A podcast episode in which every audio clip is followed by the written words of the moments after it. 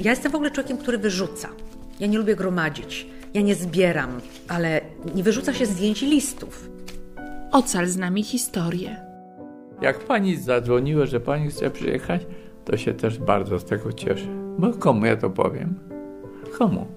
Zamówiłem tego 150. 150 egzemplarzy tej książki, tak? 150 egzemplarzy tej książki. Żeby poznali prawdziwą historię. Podcast Archiwum Pełne Pamięci. Aby każdy okruch historii został uratowany. To publikacja pod redakcją Teresy Galelewicz-Dołowej i Wojciecha Kujawy z IPN. Dzięki tej książce możemy poznać historię wybranych osób, których pamiątki znalazły się w Archiwum Pełnym Pamięci, projekcie prowadzonym przez IPN.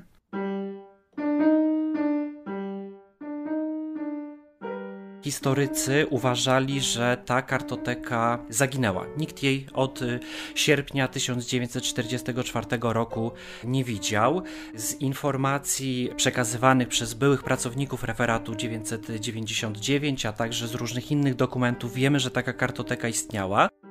Komuniści poszukiwali kartotek i nie tylko kartotek korwety, nie tylko dokumentacji Departamentu Spraw Wewnętrznych, delegatury rządu, ale chociażby również archiwum bloku. Komuniści poszukiwali takich informacji, starali się ustalić nie tylko to, co podziemie niepodległościowe wiedziało o nich, czyli przejrzeć ich materiał archiwalny, ale również doprowadzić do sytuacji, w której zidentyfikuje się osoby związane z podziemiem niepodległościowym, pracujące w okresie wojny i okupacji na kierunku antykomunistycznym. Ta kartoteka jednoznacznie wskazywała na to, kogo opisuje, prawda? Czyli głównie komunistów a także tych komunistów, którzy współpracują z Gestapo między innymi.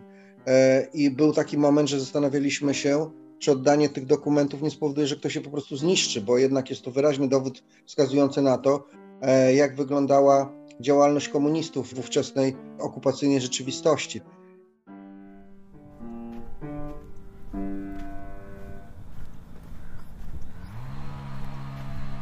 Warszawska dzielnica Włochy lata 90. XX wieku.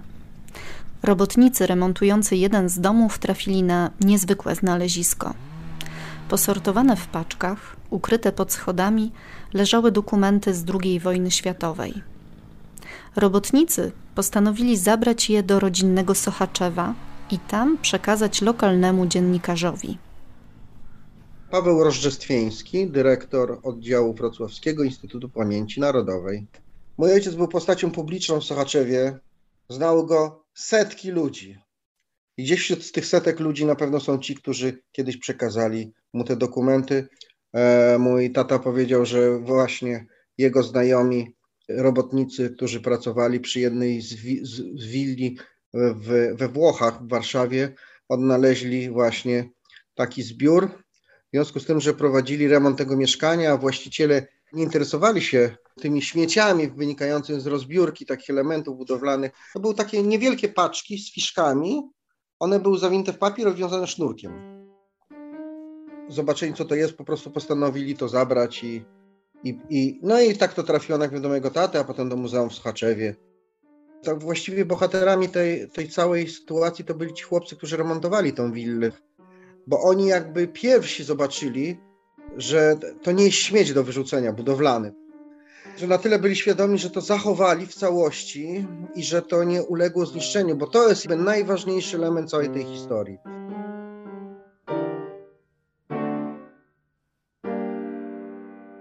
Mariusz Żuławnik, ja jestem zastępcą dyrektora Archiwum Instytutu Pamięci Narodowej. Mariusz Żuławnik jest autorem artykułu Tajemnice Włochowskiego Domu, który znajduje się w książce, aby każdy okruch historii został uratowany. Ja może tutaj zacytuję jedną z kart. Mm, dotyczącej Aleksandra Ałykowa, zamieszkałego podczas okupacji w Warszawie przy ulicy Górnośląskiej 16 na 30. Cytuję, w roku 1939 zamieszkiwał przy ulicy Radzymińskiej 13C, od 1939 roku przy Radzymińskiej 140. Prawdopodobnie posiada przynależność państwową niemiecką. Politycznie oblicze wysoce podejrzane. Konspiruje się mocno, utrzymuje ścisły kontakt z czynnikami komunistycznymi z PPR. prowadzi wystawny tryb życia. Jest możliwe, iż Ałykow, wykorzystując zaufanie, jakim się cieszy na terenach komunistycznych, z jednej strony prowadzi robotę komunistyczną, a z drugiej strony jest agentem Gestapo. Y, takich kart, y, takich informacji y, jest w tej kartotece sporo. Kartoteka liczy blisko 2000 kart, co daje blisko 2000 osób, ponieważ jedna karta to jedno, jedno nazwisko. To jest e, kartoteka członków i sympatyków ruchu komunistycznego. Historycy, którzy zapoznawali się z tymi materiałami, innymi profesor Karol Sacewicz, według jego wiedzy to jest właśnie ta zaginiona kartoteka kontrwywiadu Armii Krajowej. Wiem, że są prowadzone badania e, szczegółowe, które mają to potwierdzić. Natomiast w chwili obecnej możemy nas praktycznie na 99% stwierdzić, potwierdzić, że jest to właśnie ta zaginiona kartoteka. Doktor habilitowany Karol Sacewicz, naczelnik Olsztyńskiej Delegatury Instytutu Pamięci Narodowej. I w nim państwie podziemnym, w strukturach Związku Walki Zbrojnej, a później Armii Krajowej, działał wyspecjalizowany mm, referat. Pewna agenda w strukturach kontrwywiadu Komendy Głównej Armii Krajowej, kryjąca się pod numerem 999, czyli referat e, potocznie nazywany korwetą. Był to referat, który miał obserwować wszelką aktywność środowisk antypaństwowych, wywrotowych, lewicowych, komunistycznych, po to, aby w momencie przełomowym, a za taki moment uważano wybuch powstania powszechnego, do którego polskie państwo podziemnie się szykowało, żeby w tym momencie przełomowym móc na zapleczu działań powstańczych wyeliminować wywrotową, antypaństwową działalność, wyeliminować sposób chociażby internowania, odosobnienia, a żeby to uczynić, należało dokonywać rozpoznania kontrwywiadowczego. Referat 999 takie rozpoznanie kontrwywiadowcze środowisk komunistycznych, bo do tego był predysponowany, prowadził. Żeby takie działanie było skuteczne, należało to działanie w sposób instytucjonalny nie tylko zorganizować, ale przede wszystkim ono w obrębie tego referatu musiało być usystematyzowane. A to gwarantowało, że to rozpoznanie będzie dokładne. Żeby to uczynić z kolei, musiała istnieć kartoteka. W sposób naturalny kartoteka zawierająca informacje odnośnie do e, zidentyfikowanych elementów organizacyjnych, jak i jednostek osobowych podziemia komunistycznego. I taka kartoteka istniała. Czy to jest całość kartoteki? Na to też niestety nie jesteśmy w stanie odpowiedzieć. Wydaje mi się, że tak, dlatego że mamy tutaj karty, które rozpoczynają się od nazwisk na literę A, a kończą się na literę Z. Mamy też kilka kart, które dotyczą działaczy komunistycznych, których nie znamy z imienia i nazwiska. Ja chciałbym tutaj jeszcze dodać, że niektóre karty jest tych kart bardzo mało, ale niektóre karty posiadają także zdjęcia osób y, przewijających się przez te dokumenty. Przykładowo mamy kartę dotyczącą Heleny Bolesławy Nosal, która była działaczką PPR-u i narzeczoną członka NKWD. I y, przy tej karcie jest, jest tej osoby zdjęcie portretowe. I takich y, zdjęć do dowodu, do legitymacji jest kilka, może kilkanaście w całym zasobie. Ale to bardzo interesujące, bo to jest zdjęcie właśnie takie malutkie, tak. jak, jak do legitymacji tak. szkolnej albo do dowodu. W jaki sposób prowadzący tę kartotekę wchodzili w posiadanie takich no, dosyć intymnych rzeczy jak zdjęcie. W jaki sposób e, działał referat 999? Analizował prasę wywrotową, czyli prasę komunistyczną, nasłuchiwał radiostację imienia Kościuszki, nadawaną propagandową rozgłośnię radiową, nadawaną z Moskwy, ale także instalował, umieszczał swoich ludzi w różnych środowiskach, w których e, działali komuniści, e, nawiązywali kontakty z komunistami i prawdopodobnie w ramach tej działalności wywiadowczej po prostu pozyskiwali takie, takie materiały. Natomiast w jaki sposób konkretnie trudno, trudno jest mi powiedzieć. W gronie pracowników i współpracowników referatu 999 kontrwywiadu Komendy Głównej Armii Krajowej pracowało kilkadziesiąt osób. W tym gronie znajdowali się przedwojenni, wyspecjalizowani w tematyce komunistycznej wywiadowcy, ludzie zajmujący się analizą ruchu komunistycznego. Z korwetą współpracował m.in. Jan Bach, onegdaj wysoki funkcjonariusz Ministerstwa Spraw Wewnętrznych zajmujących się obserwacją ruchu komunistycznego w okresie międzywojennym. Z korwetą współpracował Henry Glass, człowiek, który w okresie międzywojennym kierował taką społeczną inicjatywą, stowarzyszeniem, Centralnym Porozumieniem Antykomunistycznym, które w sposób dogłębny analizowało aktywność komunistów w międzywojennej Polsce, w ogóle w międzywojennej Europie. Henry Glass w okresie konspiracji wojny będzie kierował taką agendą wyspecjalizowaną na odcinku antykomunistycznym o kryptonimie Blok i ta współpraca między nim a e, właśnie referatem 999 będzie tutaj również prowadzona, a więc korweta posiadała możliwości wywiadowczego, osobowego rozpoznawania czynników komunistycznych, ale również posiadała specjalistów, którzy zajmowali się ruchem komunistycznym w okresie międzywojennym, którzy doskonale nie tylko czytali ideologię, taktyczne zmiany ruchu komunistycznego, ale przede wszystkim doskonale orientowali się w zapleczu osobowym przedwojennego ruchu komunistycznego. Komuniści poszukiwali kartotek i nie tylko kartotek korwety.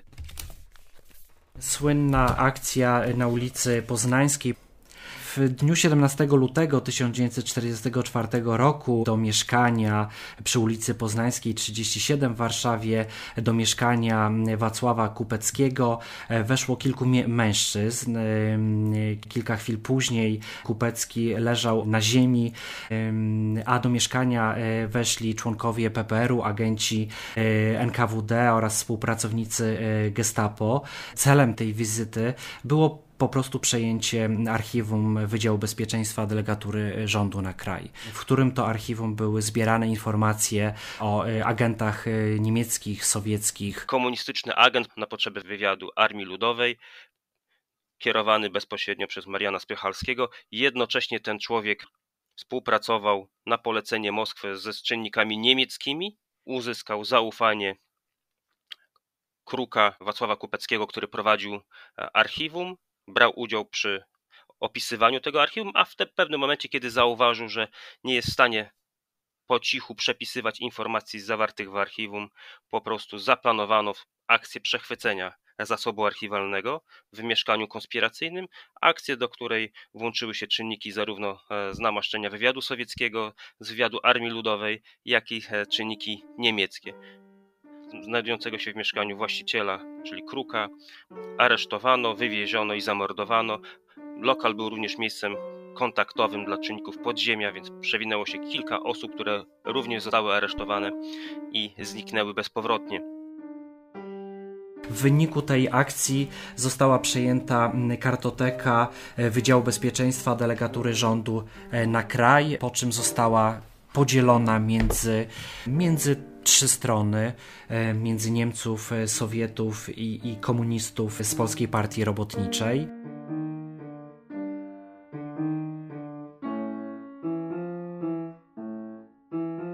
Kartoteki referatu 999 komunistom nigdy nie udało się odnaleźć. Tak samo jak jej szefa, Stanisława Ostoja-Chrostowskiego, pseudonim Korweta. Stanisław Kostka Ostoja-Chrostowski to była wybitna postać był profesorem, urodził się e, w 1900 roku, był absolwentem gimnazjum w Moskwie. Tam go też pochwyciła rewolucja bolszewicka. Bolszewicy uznali, że współpracuje z polskim wywiadem, co też częściowo było prawdą. I na kilka lat został on uwięziony. Później w wyniku wymiany więźniów i jeńców powrócił do Polski, rozwijał swoją karierę naukową był również nagrodzony medalem na Igrzyskach Olimpijskich w Berlinie w 1936 roku. Otrzymał brązowy medal za przygotowanie właśnie drzeworytu korweta. Proszę pamiętać, że wówczas osoby z wymiaru sztuki brały udział w olimpiadzie i też o te laury olimpijskie mogły się bić.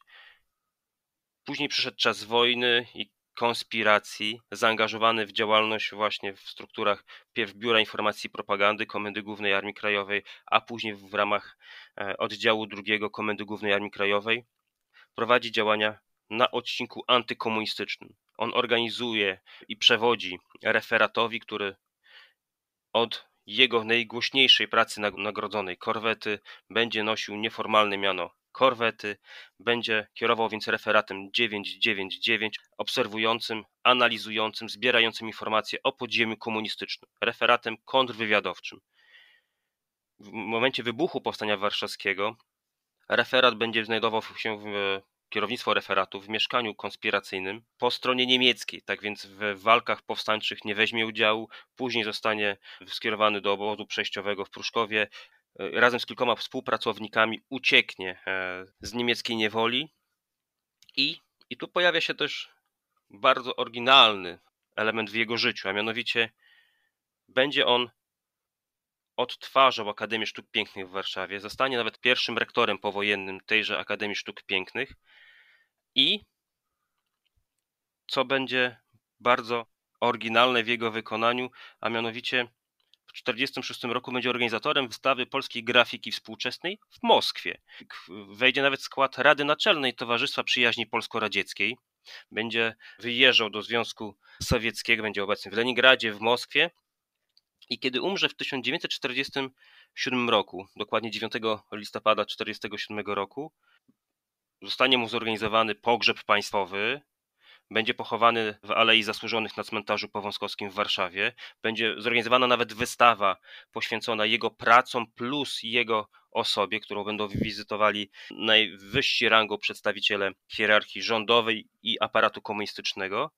A później okaże się, że aparat bezpieczeństwa ustali, że Stanisław Koska-Chrostowski, profesor Ostoja Chrostowski, pseudonim Korweta to jest ten Korweta, e, który kierował referatem 999, którego bardzo chętnie żywcem dopadłyby e, długie ramiona Moskwy i poddały brutalnemu śledztwu.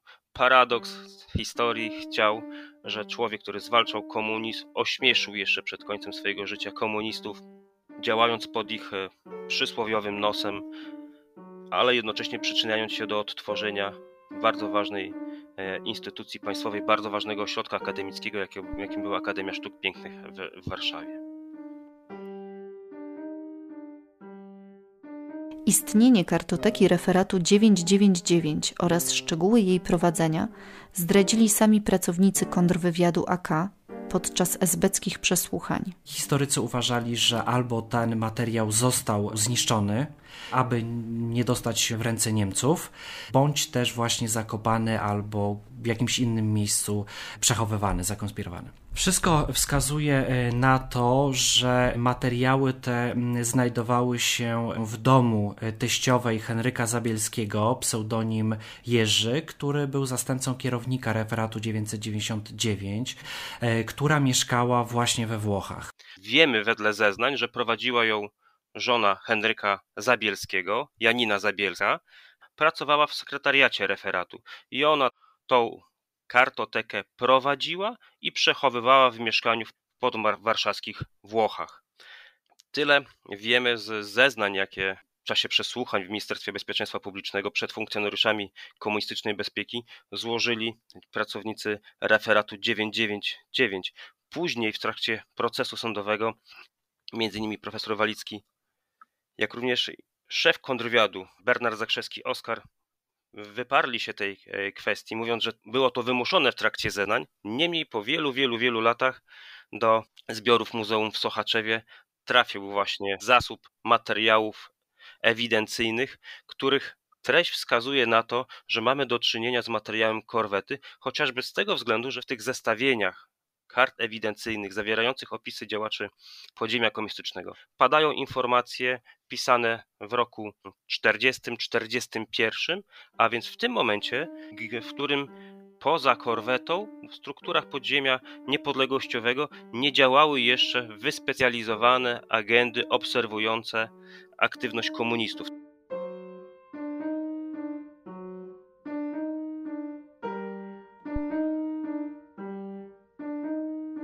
Działo się z kartoteką korwety od momentu jej odnalezienia w latach 90. ubiegłego wieku do 2017 roku, kiedy to dokumenty przekazano do archiwum IPN-u. Najpierw paczki leżały w szafce, w prywatnym mieszkaniu nieżyjącego od 10 lat sochaczewskiego dziennikarza Sylwestra Rożdżestwińskiego, a później przekazane zostały do Muzeum Ziemi Sochaczewskiej, gdzie w 2015 roku syn Sylwestra, Paweł, został dyrektorem. Paweł Rozdrzestwieński kieruje dziś wrocławskim oddziałem IPN. Czy, czy pan, czy pana ojciec mieliście świadomość w ogóle, co to może być? No, e, my mieliśmy świadomość, ponieważ ta kartoteka jednoznacznie wskazywała na to, kogo opisuje, prawda? Czyli głównie komunistów, a także tych komunistów, którzy współpracują z Gestapo między innymi. I był taki moment, że zastanawialiśmy się, czy oddanie tych dokumentów nie spowoduje, że ktoś się po prostu zniszczy, bo jednak jest to wyraźny dowód wskazujący na to, jak wyglądała działalność komunistów e, w ówczesnej okupacyjnej rzeczywistości. I z tego powodu mieliśmy tylko takie wątpliwości, czy ktoś tego nie zniszczy, żeby nie pokazywać, jaka była okrutna rzeczywistość. A okrutna rzeczywistość była taka, że na przykład w tym moim nieszczęsnym Sochaczewie, małym, 17 stycznia 1945 roku wkroczyli Sowieci, a dwa dni później wyaresztowali już większość jakowców na podstawie list proskrypcyjnych przygotowanych przez właśnie komórki PPR-u i ówczesnej Gwardii Ludowej Armii Ludowej. Więc mieliśmy te, te obawy jeszcze wynikające może trochę z PRL-u. 2015 rok, kiedy pan zostaje dyrektorem Muzeum Ziemi Sochaczewskiej i dlaczego pan się decyduje wtedy zabrać te dokumenty do Muzeum w Sochaczewie? Dlatego, że już wtedy jestem formalnym dyrektorem placówki kultury samorządowej sochaczewskiej i wiem, że mogę rozpocząć poszukiwania miejsca do złożenia tych dokumentów formalnie, już jako kierownik instytucji. A to ma swoje znaczenie, ponieważ wtedy dostaje już bardzo wyraźny ślad w korespondencji i tak dalej, tak, pomiędzy placówkami do, dotyczący tego archiwum. Instytut Pamięci Narodowej winien prowadzić szeroko zakrojoną publikację swoich dokumentów w sieci odnalezionych właśnie w takich sytuacjach, żeby inni ludzie wiedzieli, że jeżeli mają coś w domu i nie wiedzą, co z tym zrobić, to że jeżeli to dadzą do Instytutu Pamięci Narodowej, to to zostanie nie tylko zabezpieczone, nie tylko scyfryzowane, ale również udostępnione do badań naukowcom, bo to jest najistotniejszy element. Jest drugie dziesięciolecie XXI wieku, a ciągle spotykają nas historie, które będą jeszcze czekały na dalsze wyjaśnienie.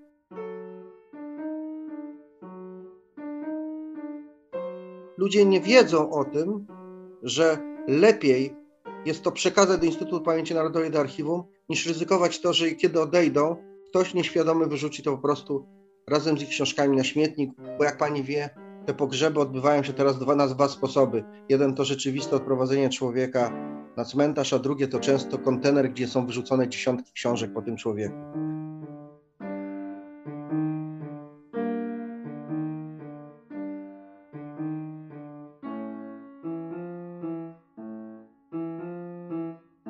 Podcaście wystąpili Mariusz Żuławnik, zastępca dyrektora archiwum IPN w Warszawie, Paweł Rozdrzestwieński, dyrektor delegatury IPN we Wrocławiu, profesor Karol Sacewicz, naczelnik olsztyńskiej delegatury IPN.